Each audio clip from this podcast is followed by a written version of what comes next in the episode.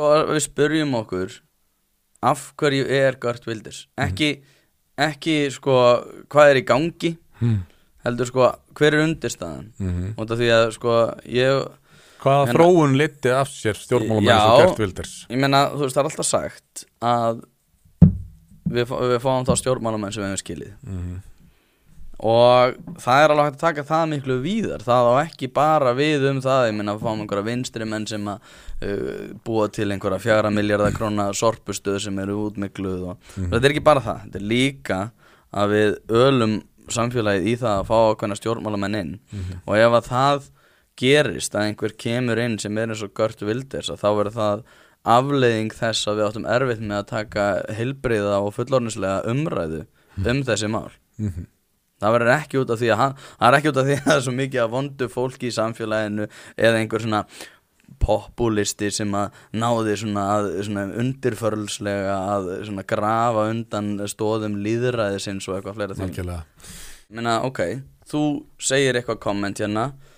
Uh, 90% tilfella hefur engin áhrif skilur þú bara segir hérna, er, er samt ekki tvö kyn þú veist, mér finnst það bara svolítið skríti, ég er ekki að segja hati transfólk en mér finnst það bara pínu skríti ok, 90% tilfella skiptir engum máli svo er þetta bara kon, kannski komin inn á lokaðan Facebook-hóp þar sem fólk er bara, heyrðu, þekkir einhver þennan? Já.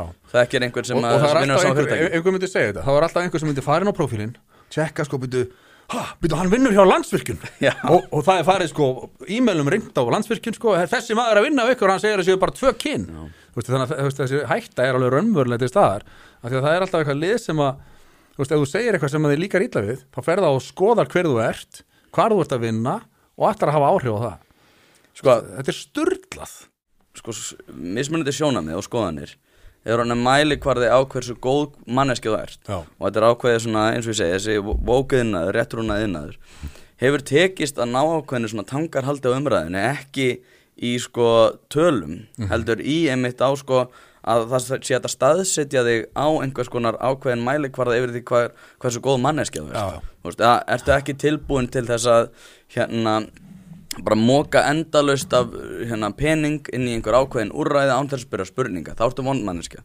skilur, ertu ekki tilbúin til þess að segja að ungu strákar þurfa bara sem að e- líður eitthvað smá illa að þeir eru bara að fá hérna, styrki frá ríkinu þeir eru ekki að fá það, þá ertu vondmanneska þú vilt ekki að þeim líði vel. En ég segi bara aftur á móti, herðu, býtu nú við.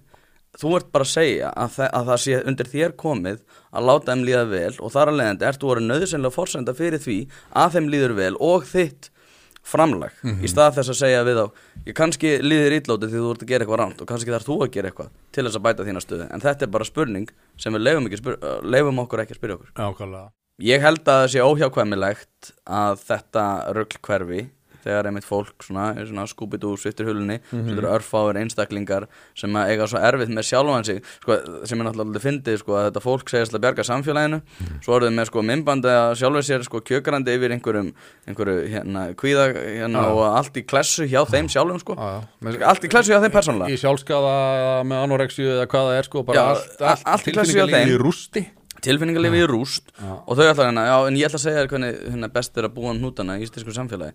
Ég, ég, ég, get útskipt fyrir það verðmætasköpun og hversu mikið við ætlum að skatleggina Mm. og ég bara, herru, byrja þú bara sjálfur þér skilur, svo, svo skulum við tala saman